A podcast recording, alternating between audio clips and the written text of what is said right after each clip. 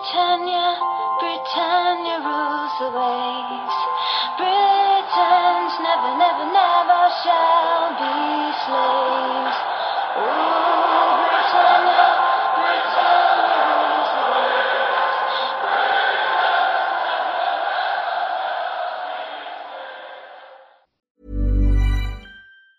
There's never been a faster or easier way to start your weight loss journey than with PlushCare.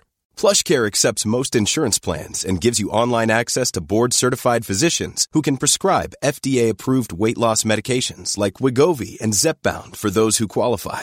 Take charge of your health and speak with a board-certified physician about a weight loss plan that's right for you. Get started today at plushcare.com slash weight loss. That's plushcare.com slash weight loss. plushcare.com slash weight loss.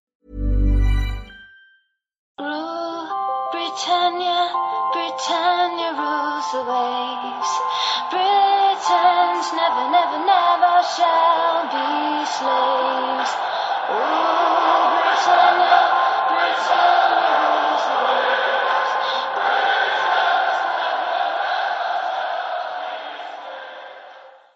Hej och välkomna till avsnitt 71 utav Svenska FPL-podden. Nu är den äntligen här, alltså Double Game Week 24 och eh, det är en ganska liten Double Game Week men eh, det är en ganska viktig Double Game Week på ett sätt i form av det dels är ett topplag i Liverpool som spelar och eh, att det dessutom är så pass långt emellan matcherna gör att risken för rotation såklart sjunker. Vi ska verkligen dissekera den här double game weeken och även gå igenom Eh, Game Week 23 som precis avslutas för vi spelar in här söndag kväll den 19 januari. Eh, utöver den här eh, genomgången av Game Week 23-matcherna ska vi snabbt kolla in i poddligan och poddlaget hur det står till där. Komma med en uppdatering kring veckans rekommendationer där vi även kommer ha en kaptensdiskussion som totalt kommer fokusera på Liverpool och ett eh, triple captainship ska vi också prata om där. Och vi avslutar med lyssnarfrågor från er, våra kära lyssnare.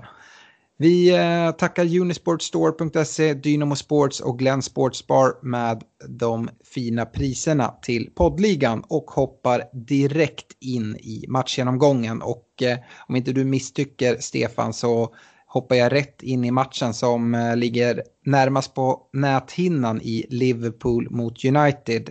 En match som Liverpool till slut vinner med 2-0.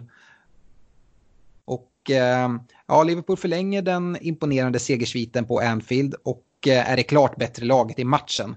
Jag hade ändå personligen förväntat mig en större överkörning sett till att United saknar tre av sina viktigaste spelare i Rashford, Pogba och McTominay. Denna Game Week handlade väl egentligen väldigt mycket om att scouta inför den här eh, Liverpools Double Game Week 24 för Liverpools del.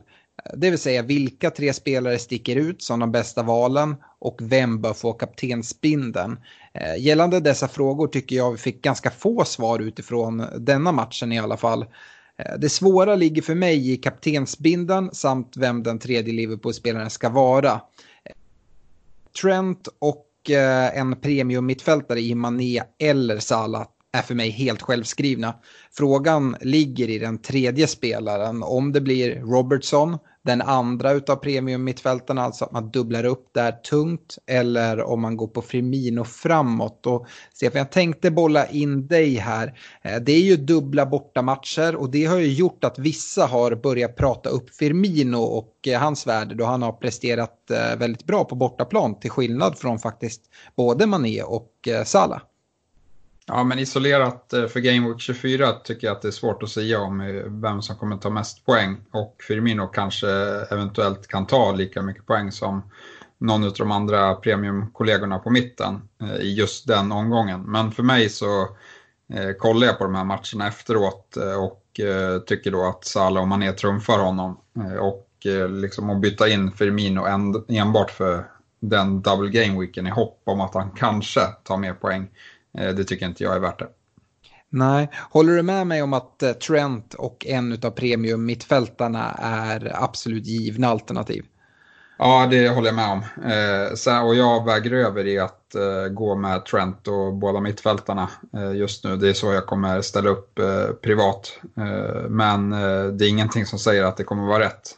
som jag tänker är att Liverpool har ju bara radat upp no hållna nollor här och jag vet inte, ska det verkligen kunna fortsätta eh, kommande matcher? Det vore grymt imponerande, men jag tänker att någon gång när de känner att ligan är avgjord så kommer det komma en match där, de, där koncentrationen inte kommer vara på topp. Och, eh, det är relativt enkelt att eh, släppa in ett mål om man tappar koncentrationen eh, en kortare stund i en match. Så att, eh, lite så tänker jag där. Mm. Ja, jag håller med i mycket av dina tankar. Eh, för mig eh, personligen så kommer jag också eh, köra på Trent och Salah och Mané. Eh, däremot så är inte det lika mycket tänkt över på lång sikt. Jag kollar mot att växla ut en av Mané eh, eller Salah någon gång här framåt och kanske gå på en dubbel i försvaret istället för att frigöra lite mer pengar och få lite enklare att eh, formera ett eh, starkt bygge i stort. Men eh, eh, ja, det, det, får vi se. Det kanske ändras också. Det beror lite på såklart hur Mané och, och Salah presterar och även hur defensiven ser ut. Men anledningen till att jag kollar mot både Mané och Salah är att eh, jag tror att vi kommer se extremt mycket kaptensbindlar och triple captain på både Mané och Salah. Och eh, har man båda så täcker man i alla fall till viss del eh, den risken att tappa enormt mycket poäng. Eh, å andra sidan, jag tror det kommer se bindlar på, på Trent också och kanske någon annan försvarare. Eh, jättesvårt att säga om. Vi kommer komma till en kaptensdiskussion längre fram så jag avslutar just den delen där.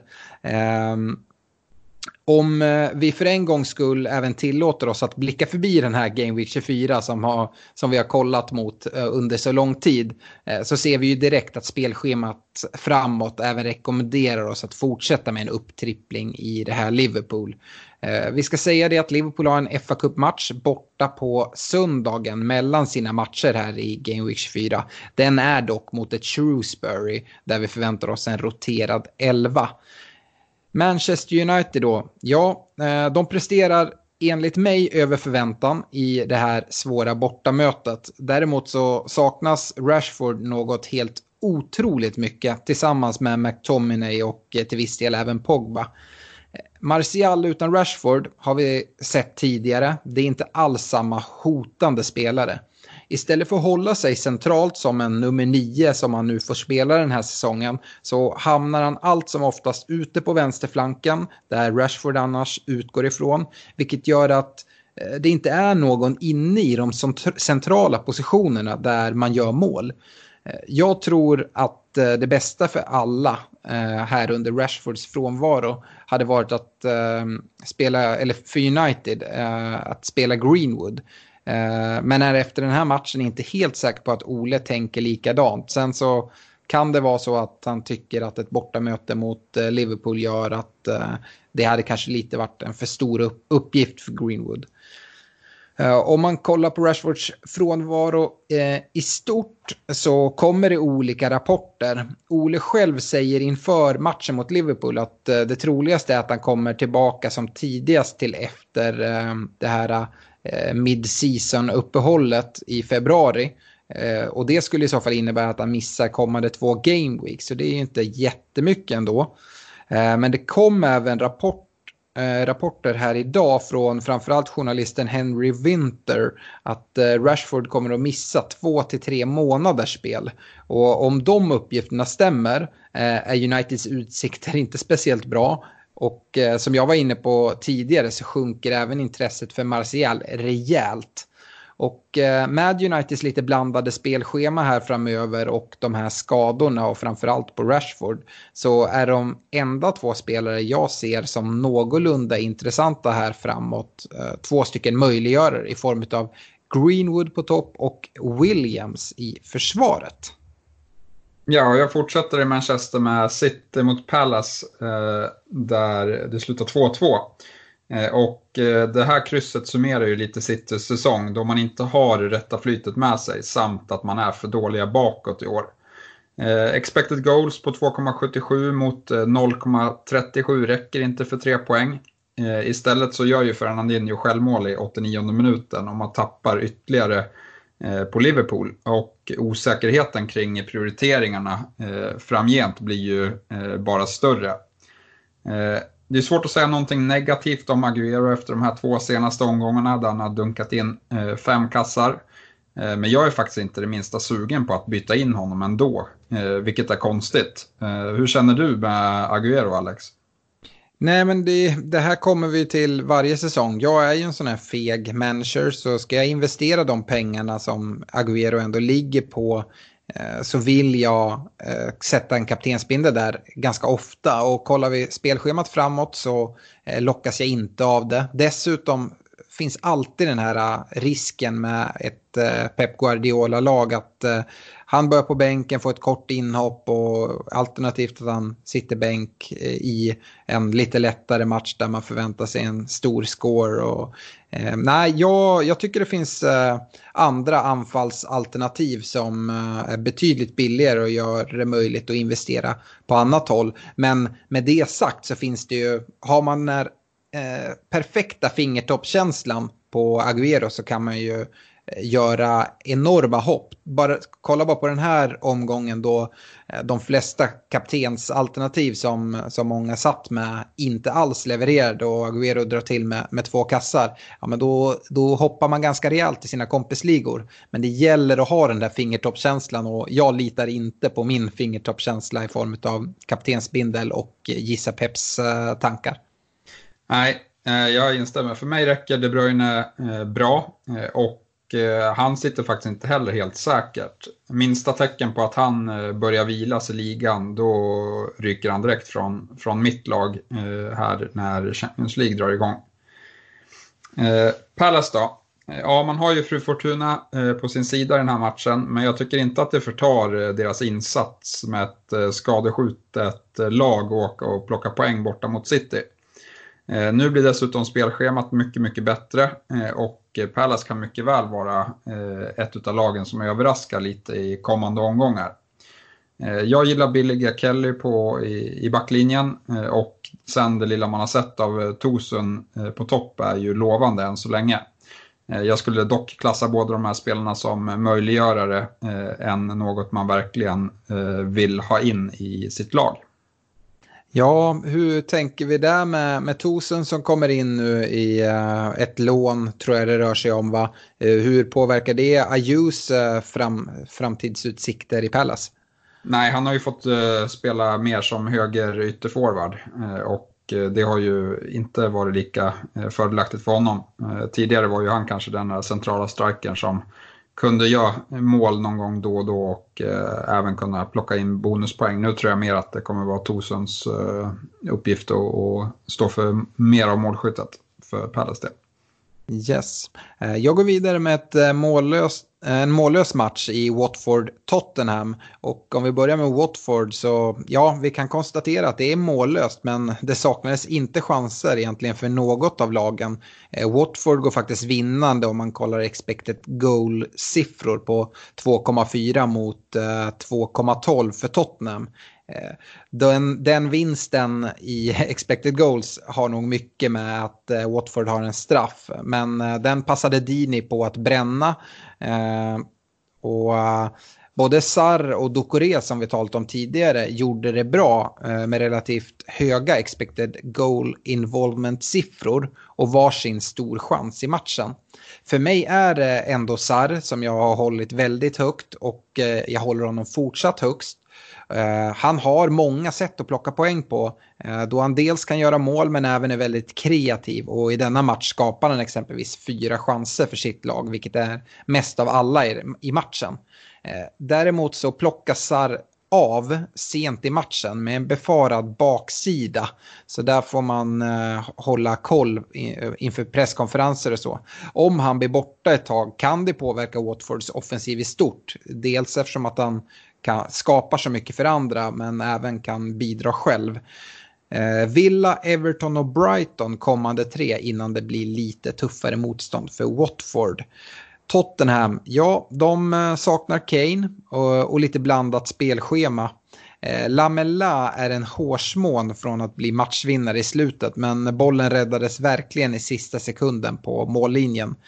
Billige Tananga får fortsatt förtroende i backlinjen men eh, jag är tveksam om den backlinjen är att lita på.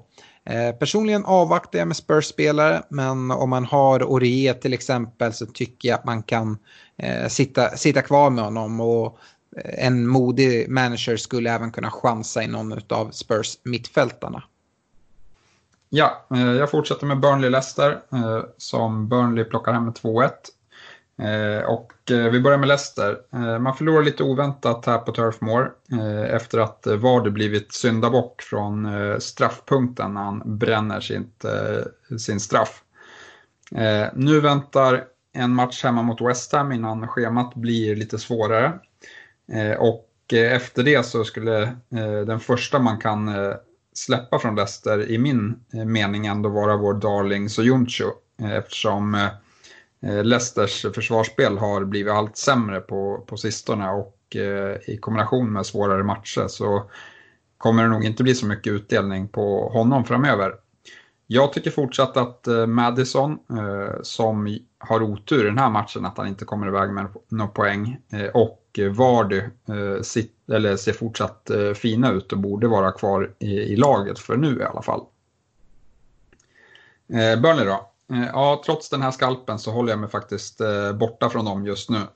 Eh, om jag skulle bli tvingad att välja någon så hade det varit Wood på topp som är åter från skada och målskytt i den här matchen.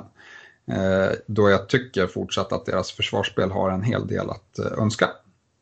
Gällande Leicester där, Stefan, tror du inte att deras lite sämre form kan bero mycket på NDDs frånvaro på mitten?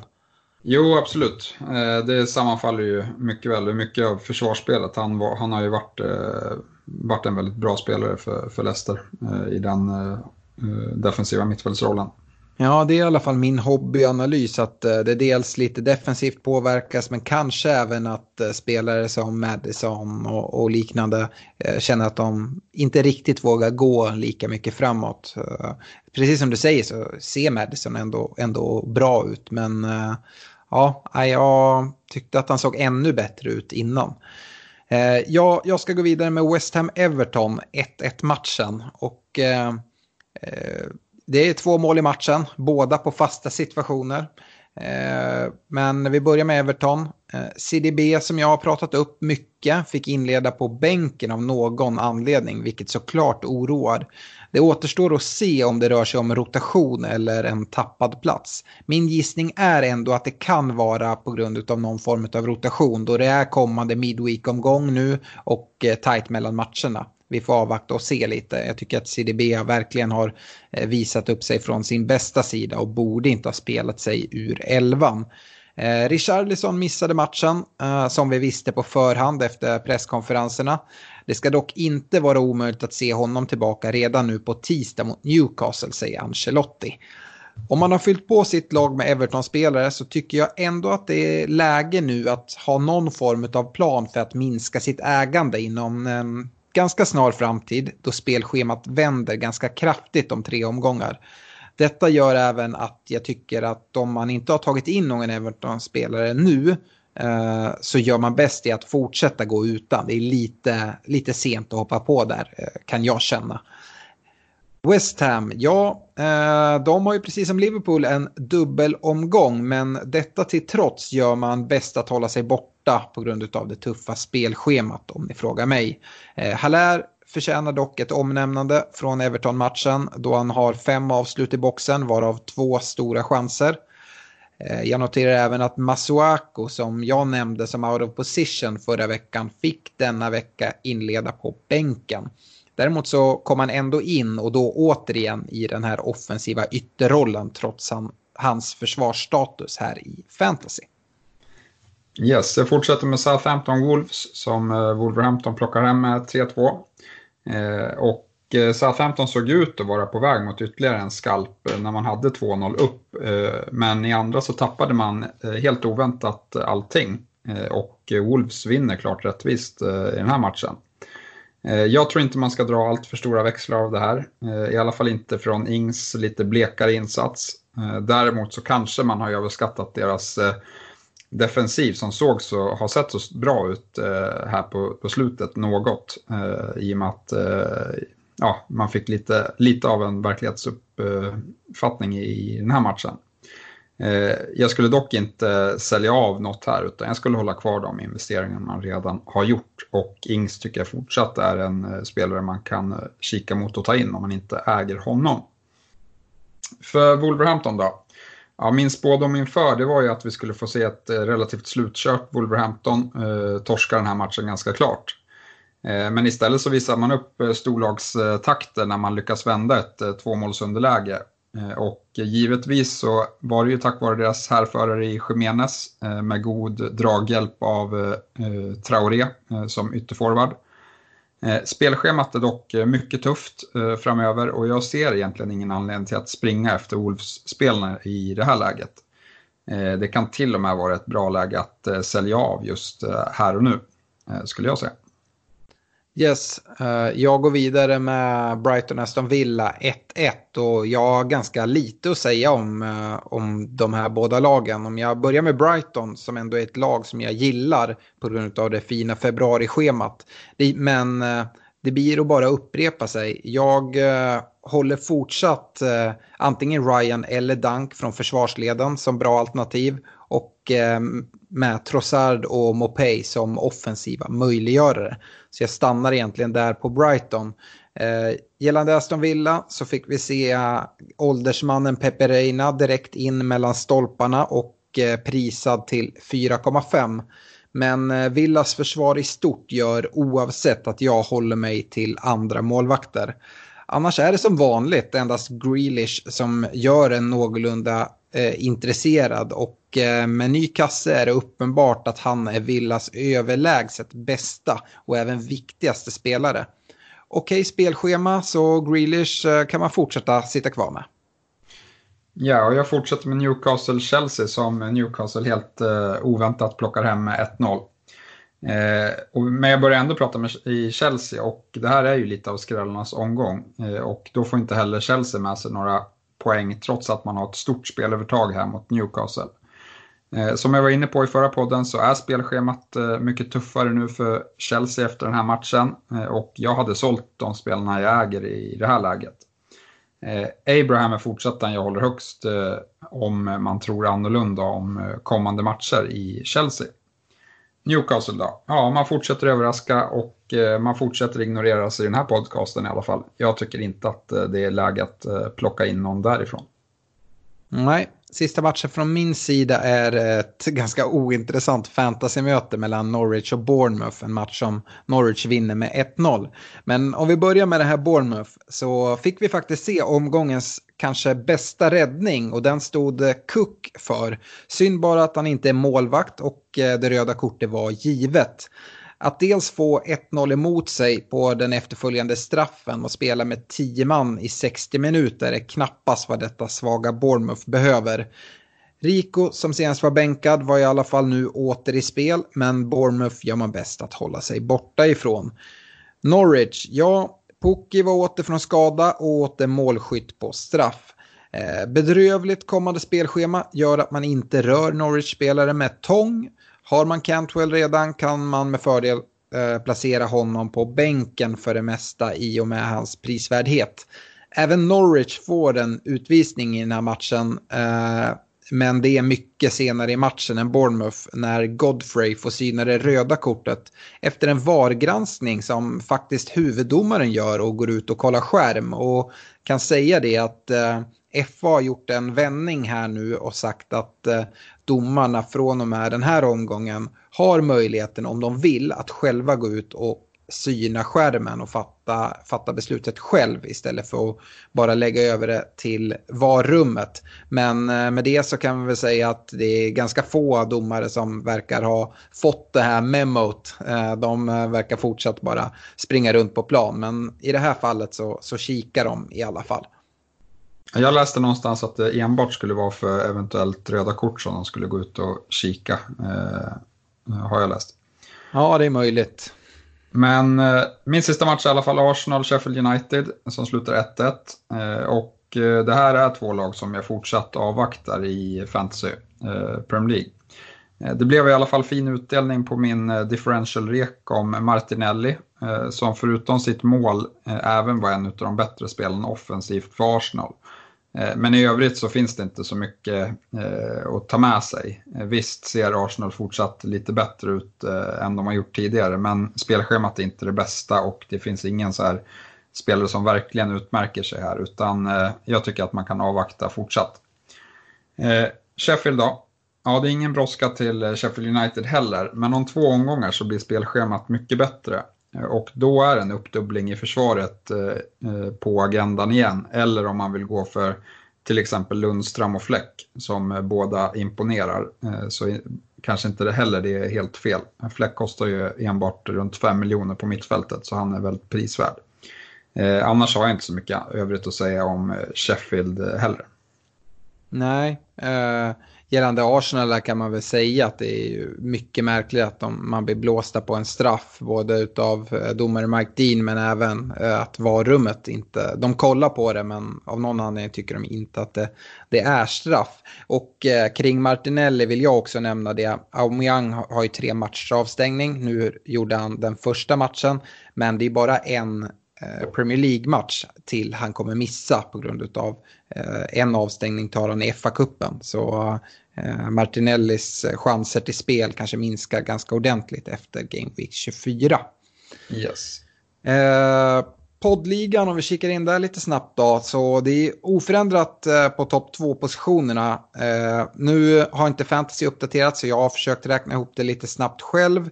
Eh, men eh, Joel Rogö ser ut att eh, hålla första platsen. Han tar 46 pinnar den här gameweeken och totalt 1448 poäng. Tätt följt av tvåan som eh, också fortsatt är Niklas Hamnefors. Han tar 45 poäng och eh, är eh, 7 poäng bakom Joel. En ny eh, trea hittar vi i Filip Hellgren, eh, 54 poäng den här gameweeken och eh, totalt 1429 poäng. Eh, poddlaget, vi ligger där eh, uppe i poängen ungefär som eh, topptrion eh, för Game Week 23 i alla fall. Eh, skrapar ihop 48 poäng. Och eh, då ska man nämna att vi har Popes 12 poäng på bänken och likaså Traores 10 poäng. Så att, ah, li, lite surt är det, men eh, samtidigt var det aldrig riktigt aktuellt att spela eh, någon av dem. Nu eh, tog vi ju in McCarthy i SA-15 för att slippa spela Pope den här gameweeken till exempel. Och eh, om vi kollar byte till Game Week 24 så tror jag att vi kommer eh, göra det bytet redan idag. Eh, vi har kollat på eh, en sån eh, sida där man kan se prisförändringar eller förväntade prisförändringar. Det ser ut som att Trent kommer stiga i värde eh, redan i natt. Och eh, det, han ska ju in så att eh, i poddlaget sitter vi med Robertson och Eh, mané. Så att eh, Trent ska in där och eh, vi eh, kommer nog göra det på bekostnad av Suyunsho i Leicester som, som du Stefan pratade en del om i, i matchgenomgången där kring att det kan finnas ett case för. Ja, precis. Eh, det är nog han som får rycka så chansar vi på att behålla Orier och eh, tycker att han har likvärdiga chanser till nollor och bättre chans på offensiv utdelning. Ja, och vi kanske ska säga det också. Vi pratade ju om Liverpool och vilka spelare man ska ha. Att både du och jag kollar på en uppdubbling i eh, Mané och Salah. Anledningen till att vi inte ens har övervägt det i poddlaget är att vi, vi valde att ta in Robertson här för eh, ett antal gameweeks sen och gå utan Trent. Och eh, då har det blivit så att Trent tycker vi är en självklar spelare. Och dessutom det finns inga garantier att eh, Mané Sala kommer eh, trumfa en, en uppdubbling i, i försvaret. Så ja, vi väljer att gå på det i, i poddlaget för att förutsättningarna såg bättre ut för det. Dessutom så sparar vi pengar till, till övriga lagdelar i och med det, det valet.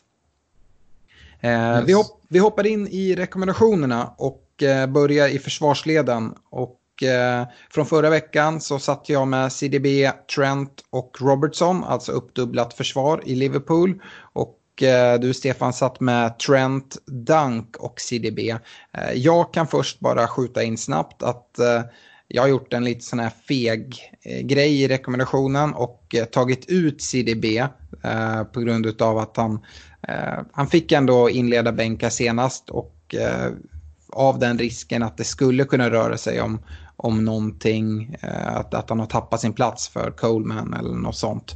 Eh, så väljer jag att ersätta med Digné på andra kanten som jag tycker ser ungefär lika fin ut som CDB också. Eh, Trent och Robertson, de är fortsatt kvar. Ja, jag har gjort samma sak faktiskt med CDB. Jag är inte så inläst på, på honom om det var en ren rotation eller så. Men också den, det frågetecknet gjorde mig att jag flyttade över den till Digné. Ja. Eh, så behåller jag Trent och Dunk som mina två övriga eh, rekommendationer. Yes, uh, och där kan jag väl bara säga precis som jag sa tidigare. Och CDB får ändå ett inhopp i matchen så det rör sig inte om någon skada eller så. Och kollar man till hans prestationer så har han ju verkligen imponerat. Så att, eh, Eh, jag, jag tror det ska mycket till för att han har spelat sig ur elvan. Samtidigt så är det stark konkurrens där. Eh, kollar man när han har spelat out of position så är det Walcott som nu är tillbaka från skada och ställer till det lite. Och Coleman är ju en eh, ytterback som också eh, har gjort det bra i många år i Everton. Så att, eh, ja, det här är en ren försiktighetsåtgärd för mig i, i rekommendationerna. Eh, på mittfältssidan eh, så väljer jag ändå att hålla det eh, Eh, oförändrat i Kevin De Bruyne, Madison och Salah. Ja, eh, och jag plockar bort, jag har eh, De Bruyne, Mané och Madison. Men Madison får stryka på foten. Jag hade nog inte bytt ut den om jag hade ägt honom då de ska möta West Ham. Men nu så plockar jag in Salah där så att det blir De Bruyne, Mané och Salah. Och det är lite för att illustrera min tro på vilka som är de tre starkaste Liverpool-spelarna inför Game Week 24. Ja, jag förstår fullständigt det. Eh, jag har ju de två Liverpool-försvararna där. Eh, jag köper vad du säger om, om Madison, att man kanske sitter kvar med honom. Men uh, det är faktiskt Madison som kommer få stryka på foten i mitt privata lag för att Salah ska in. Uh, så Eh, ja, det finns ju case att även göra sig av med Madison. Men jag avvaktar lite med det där för att vi har fått eh, en hel del lyssnarfrågor som rör eh, Leicester-tillgångarna. På forwardsidan så väljer jag även här att inte göra några förändringar och det är Ings, Vardy och Calvert Lewin som, som jag har från förra veckan. Du Stefan sitter med Ings, Abraham och Vardy. Ja, nu sitter jag med samma tre som dig, för Abraham han skulle bort oavsett och jag tycker att Calvin Lewis mm, ser väldigt eh, fin ut under eh, Ancelotti så han ska in här eh, då de möter Newcastle och även har två till bra matcher efter det. Mm. Eh, på differential-sidan, ägarandel under 10% så uh, har jag kvar uh, Calvert Lewin och CDB. och jag väljer att plocka ut SAR. Eh, som jag sa, jag tror jättemycket på SAR, men eh, nej, för mig såg det ut som en ganska tydlig hamstringskada eh, på honom och då kommer han vara borta här i, i några veckor. Eh, jag ersätter honom med en av dina differential i samma lag i Dukore som har en fin roll i, i Watford. Eh, trots att jag är medveten om att Watfords offensiv kan få en liten dipp med Sar borta ur laget. Du Stefan sitter med Trossard, Dukore och Calvert Lewin.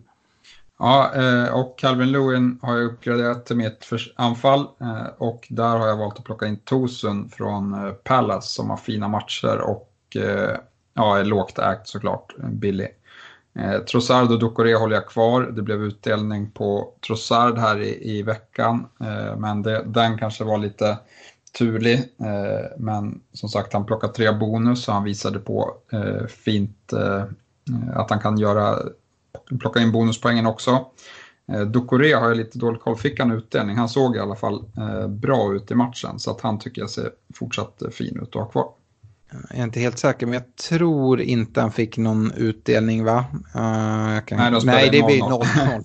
Nej, det är ganska självklart då. Uh, nu kommer vi till den här kaptensdiskussionen för Game Week 24 och normalt sett brukar vi gå igenom olika lag, men Stefan, det finns väl absolut noll anledning till att sätta en bindel på någon utanför Liverpool i alla fall. Ja, jag hade absolut inte vågat gjort det. Så att det är Liverpool all in för mig.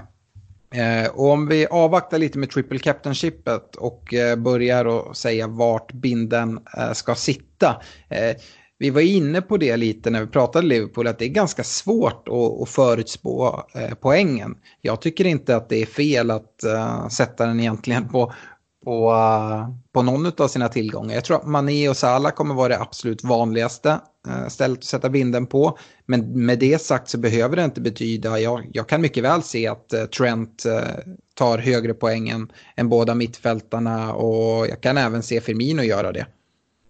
Ja, absolut. Det, det, håll, det, hänger såklart på om Liverpool håller nollan eller inte. För att om man ska kika på Mané och Salah som är de två som verkligen presterar på Anfield eh, så är ju eh, utav dem så har ju Mané haft en liten eh, fördel på bortaplan jämfört med Salah. Salah har varit ganska svag på bortaplan i år faktiskt.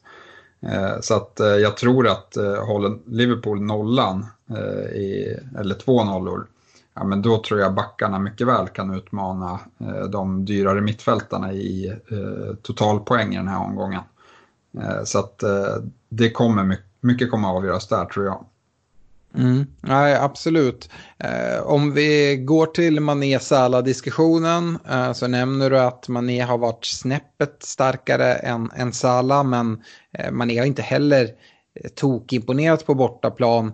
Eh, är det Mané du håller före Sala ändå i, i kaptensvalet? Ja, jag är fortfarande inte bestämt mig, men eh, jag är väl lite mer inne på det. Eh, och sen kanske lite med en outsider på, på Trent faktiskt. Men nej, jag vet inte. Det här känns lite jobbig. Eh, om de släpper in mål och eh, så är det kört liksom. Eller inte helt kört, han kan ju poäng på andra sätt. Men eh, det blir svårt i alla fall. Jag lutar väl lite mer åt Mané kanske. Eh, han fick, lite... han fick eh, tio minuter mindre här i matchen nu senast också. Kanske eh, kan vara lite fördel. Mm. Nej, så är det. Och som jag var inne på, om man kollar på bara Game Week 23 som var nu så tycker jag varken att Mané eller Sala stärkte sina aktier nämnvärt mot varandra. Jag tyckte de var ganska ja, men, jämn, jämnbra. Det var mer Liverpool som lag som jag tyckte var, var väldigt bra. Men eh, ja, eh, Mané hade ett riktigt bra läge och, och öka på till 2-0 tidigare innan Salah kontrar in den. Men eh, eh ganska svagt avslut mitt på det sker i en typ av frilägessituation kan man nog kalla det för.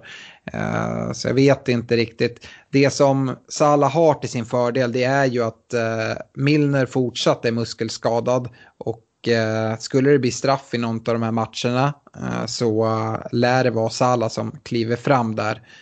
Så ja, kanske kan edga det också. Eh, men med det sagt, jag, jag tycker inte att det är fel. Alltså, Binden ska sitta eh, på Liverpool-spelare eh, och ja, vart man sätter den, det är egen magkänsla skulle jag säga. Och eh, kanske lite sån här hur man är som spelare. Om man vill sätta den där de flesta har den, alltså på Mané eller Salah. Eller om man vill sticka ut eh, och sätta den på, på Trent eller Firmino eller så. Och ta en liten, lite större chansning skulle jag ändå säga att det är. Eh, om vi går vidare till triple captainshipet då, Stefan. Har du marinerat eh, det här någonting och funderat, är nu eh, det läge som du lutar åt att använda eh, triple captain eller eh, tänker du avvakta? Nej, jag kommer, jag kommer bränna av det. Det känns bra. Ja, och jag är inne på samma spår, vilket kommer göra att vi även kommer bränna av det i poddlaget. Och uh, anledningen till att eh, jag tycker att det är ett bättre läge än egentligen någonsin att, uh, att bränna av det den här gameweeken. Det är att vi dels, man brukar prata det här, hellre en fågel i handen än, än tio i skogen. Det här vet vi är uh, en double game week för ett lag som Liverpool som uppenbarligen är i fin form. Eh, visst, det är två bortamatcher. Det, det som hade kunnat göra det ännu bättre om det hade varit två matcher på Anfield. Men jag tycker inte att det spelar jättestor roll. Det ena matchen möter man ett West Ham som är ja, rätt svagt bakåt om vi ska vara helt ärliga. Eh, andra matchen är ett Wolves som absolut har ställt till det för eh, topplag tidigare men det är fortfarande inte en, ett supermotstånd som, som Liverpool har där. Jag tycker att det är två bra matcher. Men framför allt så är det avståndet i tid mellan de här matcherna. Alla som har spelat fantasy under en längre tid eh, vet det att de här double game weeksen som kommer mot slutet av säsongen, det brukar vara extremt tajt och bara, bara timmar mellan game weeksen känns det som. Och ganska ofta man ser antingen att eh, spelare byts ut tidigt och kanske inte alls är nära 180 minuter utan kanske snarare 120 minuter över två matcher. Eller till och med att det är stora skiftningar i, i lagen. I den här gameweeken så förväntar jag mig att se Liverpools bästa elva i, egentligen uh, ja, men i båda matcherna. Uh, gör du någon annan bedömning, Stefan? Nej, jag tror också det. Uh, vi får hoppas på att det blir så också att de bara ställer över de viktigaste pjäserna i FA-cupen. Mm. Eh, Shrewsbury ska väl eh, städas av oavsett, tänker jag. Yes, ja, men då har vi pratat triple captainshipet. Uh, jag tycker man gör bäst i att spela det, men eh, ja, vissa har ju redan spelat det och eh, andra har mer is i magen än vad jag har. Men ja, nu, nu spelas det i alla fall i poddlaget och vi håller alla tummar som går och vi får väl se vart, eh, vart den landar någonstans. Jag törs faktiskt inte säga i, i detta nu om det blir eh, på Trent, Salah eller eh, nej, Trent, eh, Robertson. Nej, Robertson får den inte. Det blir Trent eller Mané i alla fall, eller hur Stefan? Ja, det blir det. Ja. Eh, Mané är väl den som ligger längst fram ändå, tror jag. Eh, Deadline för Game Week 24 är på tisdag kväll klockan 19.30. Så se till att sätta i ordning era lag och göra alla byten. Jag tycker att det finns hyfsat case att uh, göra tidiga byten uh, här eftersom att det är ganska tajt emellan och uh, om man ser att det, prisförändringar ska ske så tycker jag att den här gameweeken är det mer okej okay att göra tidiga byten än annars. vi hoppar in i lyssnarfrågorna och Eh, som jag var inne på tidigare så är det en hel del frågor om Leicester så jag tänkte starta där. Men innan det så tänker jag även säga att det är många som har skickat in eh, lagbilder eh, i Facebookflödet och skrivit in hur mycket lagvärde de har och sånt. Det är ganska svårt att svara på de här frågorna. Eh, jag ställer frågan till dig och du har inte laget framför dig. Så att Eh, vi ska göra som så, vi försöker svara på de frågorna fast då i Facebookflödet och inte här i podden. Eh, så förhoppningsvis om ni håller utkik på eh, vår Facebook-sida så kommer vi svara där idag alternativt imorgon, på de frågorna. Men nu till Leicester-frågorna. Jag tycker att Tobias Tim sammanfattar det många har skrivit in. Vad gör man med Leicester-spelarna? Så riktigt trögt ut idag. Själv sitter han på Sojonsho, Vardy och Madison. Det tror jag ganska många gör. Vad, vad säger du där, Stefan? Ja, men eh, det första jag skulle göra är att kolla på byta ut Soyuncu som jag pratat om. Jag tycker försvarsspelet eh, eh, är kanske svagare nu, eller det är svagare nu. Eh, och det är framförallt med de matcherna jag ser här som kommer upp så tror jag att det blir svårt att få utdelning där. Offensivt sett, eh, Vardy släpper jag inte. Eh, visst ska de möta Chelsea och City, men båda matcherna är på hemmaplan. Eh, och som vi ser till exempel eh, Crystal Palace går ju två mål på, på City, så varför ska inte Leicester kunna göra det? Samtidigt eh, om vi kollar på Chelsea så har de också haft svag eh, form här på, på slutet. Så jag tror att det finns chanser till offensiv utdelning fortsatt i Leicester och är lite mer Eh, benägen att hålla kvar mina eh, offensiva pjäser just nu i alla fall. Ja, jag håller till stor del med dig. Jag tycker även att eh, det kan vara värt att göra, göra uppoffringar på, på de offensiva pjäserna. Eh, om man ser ett läge på att ta in någon, någon bra spelare eh, istället där. Eh, det är väl just det det kommer till. Jag tycker att Vardy och Madison är fortsatt bra alternativ. Men det är möjligt att man kan få in något ännu bättre. Eh, Game Week 24, West Ham hemma, såklart en supermatch. Eh, men eh, eh, sen så är det lite tuffare i, i, tre matcher och sen så kommer ju kanonschemat igen. Men äh, jag förstår absolut om man äh, väljer att ta ut spelare. Det är... Någon som frågar vad ska man göra med Vardy och Madison? Om det är någon av dem man ska ta ut, vem tar man ut då? Eh, jag skulle plocka ut eh, Madison, för det känns som att eh, ja, men Vardy har man troligtvis fått sån enorm prisökning på. Och han är ju fortsatt den som leder skytteligan och är säkert rätt sugen på att plocka hem den. Så att, nej, jag hade behållit Vardy. Mm. Jonathan Windahl är inne på att till och med komma med ett förslag och det är, är det värt att ta ut Madison för fläck? Ja, då ska han göra någonting annat med pengarna såklart. Men ja, jag hade ju inte gjort det nu då, men han, han, jag antar att han funderar på kanske det längre fram, eller om han behöver pengarna. Mm. Ja, men Fläck imponerar, men som sagt, deras bra matcher är först om en eller två omgångar. Ja, eh, vi släpper Leicester där i alla fall. Och eh, Robert Jonsson han undrar om vi har något tips på en mittfältare för max 5,9. Ska även lägga till att han redan sitter på Traoré. Ja, Trossard har jag som differential. Han kvalar in där. Eh, Ducoré kvalar också in där eh, som sitter som differential. Så det är de två som jag framförallt eh, ser som intressanta. Mm, nej, det, jag backar dem, eh, kan eh, Eh, skjuta in också just eh, Fläck. Kanske inte här inför Game Week 24 när de ska möta City, men därefter så ser spelschemat bra ut och eh, Fläck imponerar verkligen. Han är ju dessutom bara prisat till 4,9 så det ger en utrymme att använda de, de pengarna på, på lite annat håll. Andrea Dyberg, ja det här är i och för sig också en Leicester-fråga, men kanske inte en av de vanliga spelarna. Han undrar om det är värt att ta ut Perez för att ta in Snodgrass för en game week. Och då är det för Snodgrass double game week då, antar jag. Ja, jag vet inte om... Eh, alltså, givet att Perez får spela mot eh, West Ham så kan det bli bra med poäng från hans sida. Jag, Snodgrass, ja, jag har svårt att se att eh, West Ham gör så mycket eh, poäng mot, mot Leicester och Liverpool.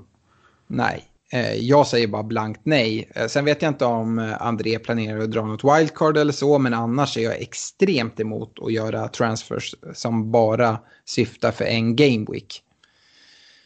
Um, ehm, André Melin, han skriver att planen är att byta in Robertson inför nästa gameweek. Vem ska ut? Orie eller Siuncho?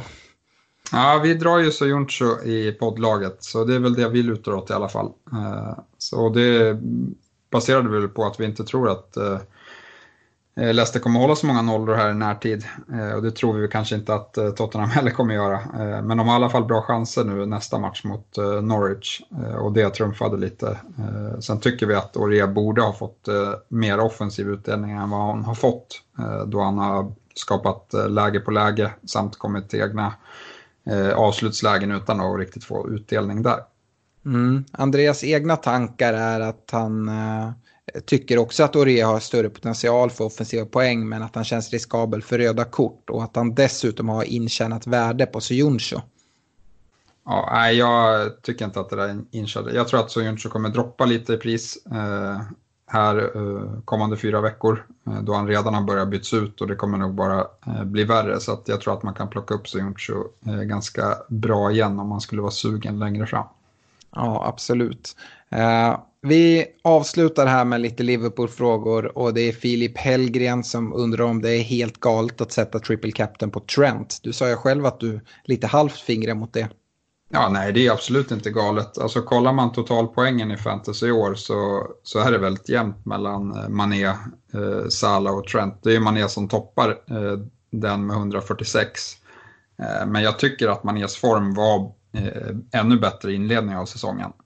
Eh, sen har vi Salah på 133 och Trent på 128. Eh, så att det är tajt. Eh, och som sagt, Trent har ju väldigt många sätt att komma in i poängen. Eh, dels genom nollor, där Liverpool imponerar stort på slutet eh, i deras försvarsspel. Men sen tar han ju eh, 50 procent av alla hörnor och slår väldigt mycket frisparkar också. Så att, nej, jag tycker inte att det är helt fel. Nej, det tycker inte jag heller. Man ska säga det att Eh, Eh, Trent, Mané, Salah, alla de här tre spelarna kan man egentligen säga spelar out of position. För både Trent och Robertson bör nästan ses som mittfältare. Salah och Mané borde ses som forwards. Så att eh, det är ändå inte att, att kaptena en försvarare i form av Trent. Dessutom med fasta situationer. Vi såg här mot United, slår en hörna som van Dijk nickar in och där får han en enkel assist. Och eh, sådana poäng kan man absolut se. Man kan även se Trent dra in någon direkt frispark om det blir ett sånt läge. Så att, eh, Trent har många sätt att, att, ta poäng på. Och jag tycker aldrig man ska vara rädd att sätta binden på, på honom. Sen så, som sagt, det, man måste gå på egen magkänsla där. Eh, Daniel Hidgård är också inne på det. Triple captain på Sala eller Trent frågar han. Och vi hänvisar väl där till, till egen magkänsla för att Eh, inte bli hängda i efterhand om vi säger den ena eller den andra. Eh, men han har en fråga till och han skriver så här att eh, han tog in Riyad Mahrez för Richarlison den här veckan.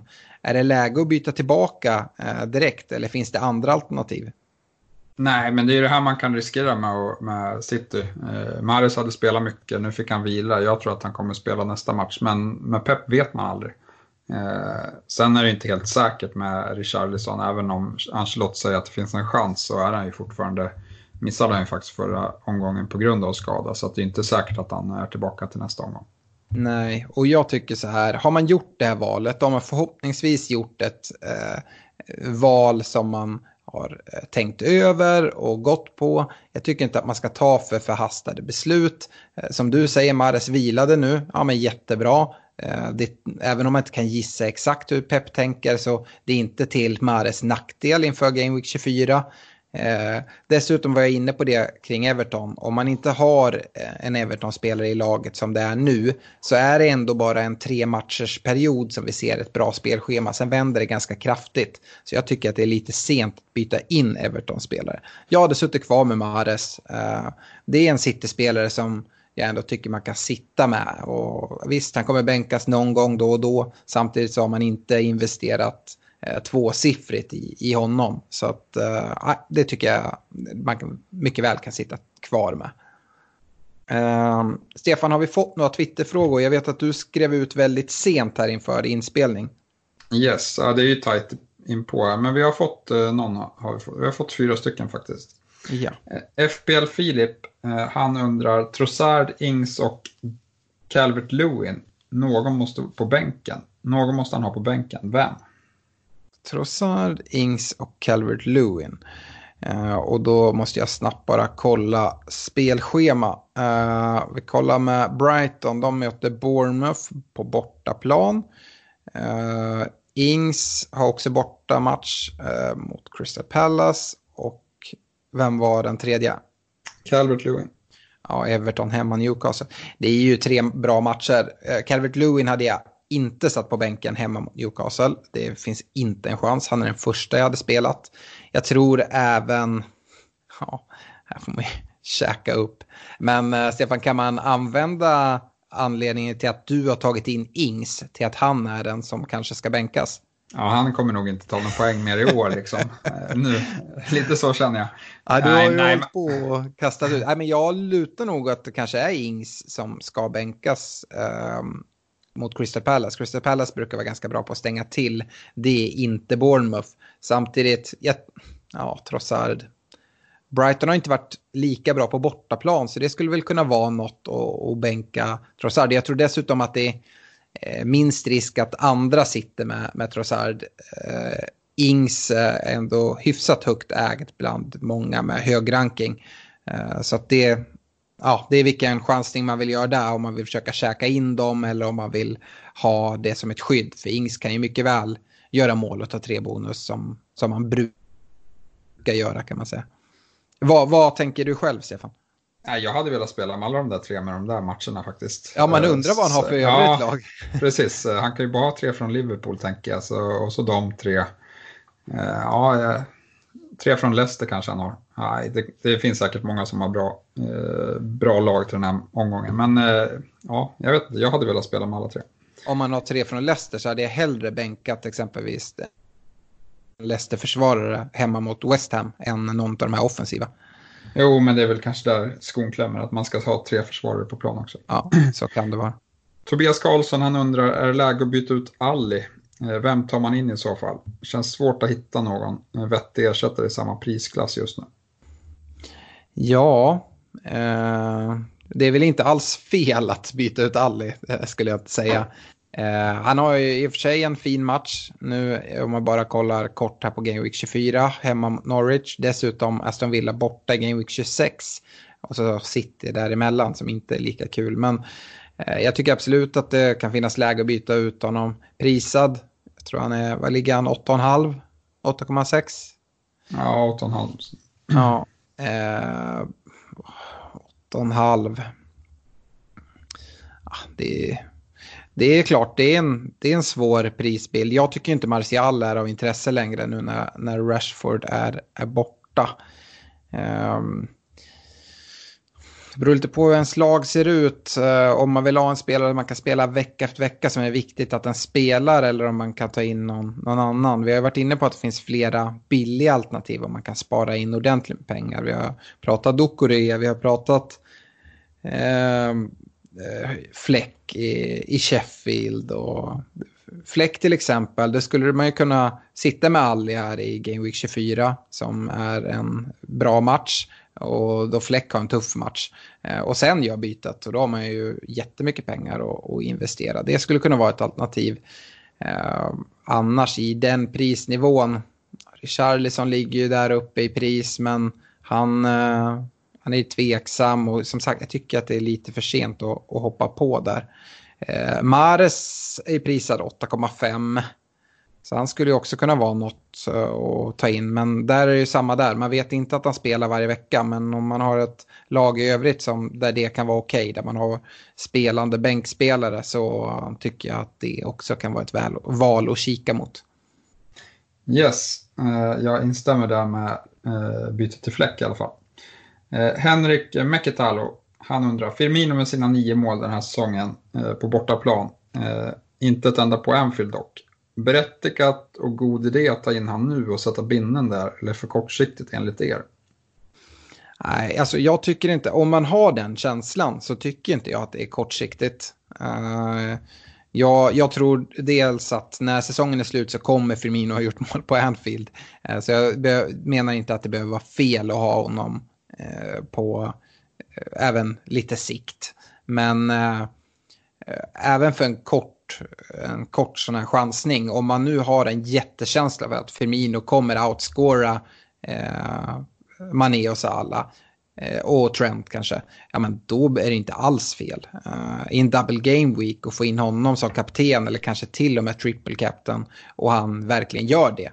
Ja, det är, det är ett superval. Eh, men eh, det, det, går ju till ens egen känsla. Jag har ju en känsla av att jag inte tror att Firmino kommer ta mer poäng än eh, varken Mané, Salah eller Trent. Jag håller alla de tre som bättre kaptensalternativ trots att det är två bortamatcher. Men ja, jag har haft fel förut så det får man känna själv. Tycker du att det är för kortsiktigt Stefan? För jag vet att du planerar liksom att behålla spelarna som du tar till Liverpool-spelarna till 24 på, längre fram. Ja, jag kommer vilja behålla de spelarna säkert till omgång liksom 29. Eh, så att eh, för min del så vill jag ha in de tre som jag tror mest på över lång tid eh, här när jag byter in Liverpool-spelare. Mm, men tycker du att det är helt galet att ta in någon som man tror på så och sen så gör ett planerat byte? Som jag till exempel som vill ha både Mané Salah i den här gameweeken och kanske att man har det några gameweeks till men sen ha en plan att omfördela eh, pengarna lite i laget. Nej, jag tycker inte att det. Alltså så här, jag tror du och jag Alex, nästan risken är nästan att man börjar tänka för långsiktigt eh, mm. och glömmer bort att eh, det är här och nu som poängen skapas och inte om man har fint lag om några omgångar. Så att, eh, nej, jag tror att eh, man, ska, man ska tänka på lagom sikt och då kan, har man en fin känsla så för en double game week, ja men då, då ska man nog köra på det. Ett jättebra exempel är ju, jag vet att det finns vissa aggressiva människor som tar minuspoäng och sådana saker som ja, men för eh, två gameweeks sedan, bara skeppade Vardy, tog in Agüero och satte binden på honom nu i, i två gameweeks. Ja, men de människorna är inte nog jättemissnöjda för att de tog de minuspoängen. Uh, sen så, det, så kommer det inte falla ut varje gång man tar minus och, och gör någon sån superchansning. Men där kan man ju vara ganska kortsiktig. Jag skulle gissa att de som gjorde det, de byter säkert ut Aguero den här omgången för att eh, investera mer i, i Liverpool-lägret. Så eh, men chansningar kan absolut löna sig, och speciellt när man ska sätta en kaptensbindel. Yes, uh, han har en uppföljningsfråga också som är, är var det till Firmino bara idiotiskt? Ja, svårt att, att, svara på och det beror lite på hur hans lag ser ut i övrigt. Uh, nej, det behöver inte vara idiotiskt. Jag tycker inte det. det, det man kommer ju sticka ut. Vardy har ju en ägarandel på 50 procent. Så att alltså, han ägs av jättemånga. Uh, Visst, Game Week 24, West Ham hemma, Chelsea hemma i, Game Week 25. Han, han kan ju göra mål mot vilket motstånd som helst, men, ja, men han kanske är påverkad av det här skrikande barnet nu eh, om nätterna. Jag vet inte, men eh, levererar Vardy så riskerar man ju att tappa en del. Eh, men man, man sticker ju även ut så att man har ju chans att om Vardys formdipp, om vi nu ska kalla den för det, eh, håller i sig, ja men då, då har man gjort valet tidigt och kan man hoppa på Vardy igen sen till när spelschemat vänder i Game Week 28. Yes, eh, och så FPL, FPL, han får summera hela det här avsnittet då. Eh, vilken Liverpool-trio för Game Week 24 och framåt? Ja, eh, vi har ju pratat jättemycket om det. Som, som jag var inne på i laggenomgången. Trent, är för mig ett måste. Jag kan inte se mig gå in i den här gameweeken utan honom. Jag tycker även att man måste äga antingen Mané eller Salah. Det är de två måsten jag ser. Sen om man väljer och... eh, ta in den andra premium mittfältaren, eh, ta in Firmino eller ta in Robertson. Eller även till viss del om man går på en lite billigare val på van Dijk eller Gomes. Tycker jag det finns ett case för, men det tycker jag eh, kanske är ett sämre alternativ. Jag, eh, jag tycker att skillnaden mellan van Dijk och Robertson, eh, den är inte jättestor. Eh, och eh, ja, även om van Dijk nu nickar in den mot United så, så tror jag att Robertson kommer ta mer poäng än van Dijk över den här dubbelomgången. Och ja, jag, jag väljer att säga Trent och en av mittfältsoffensiven. och sen får man får man gå helt på eget bevåg på tredje avgörande plats. Yes, det var allt vi hade från Twitter. Kanon. Vi eh, tackar för att ni har lyssnat och önskar er ett stort lycka till inför den här viktiga Double Game Week 24. Men kom ihåg att eh, säsongen avgörs inte på en Double Game Week utan eh, glöm inte bort att spelet fortsätter därefter. Det har varit extremt mycket snack om den här gameweeken, ja, men egentligen sen, sen i julas nästan när vi, när vi fick reda på det. Så um, det är nu framåt som uh, vi, vi ska dra ifrån ordentligt här. Så stort lycka till så hörs vi här framåt och håll utkik på Facebook kring era frågor som rörde eh, explicit bara era eh, specifika lag. Ja, lycka till.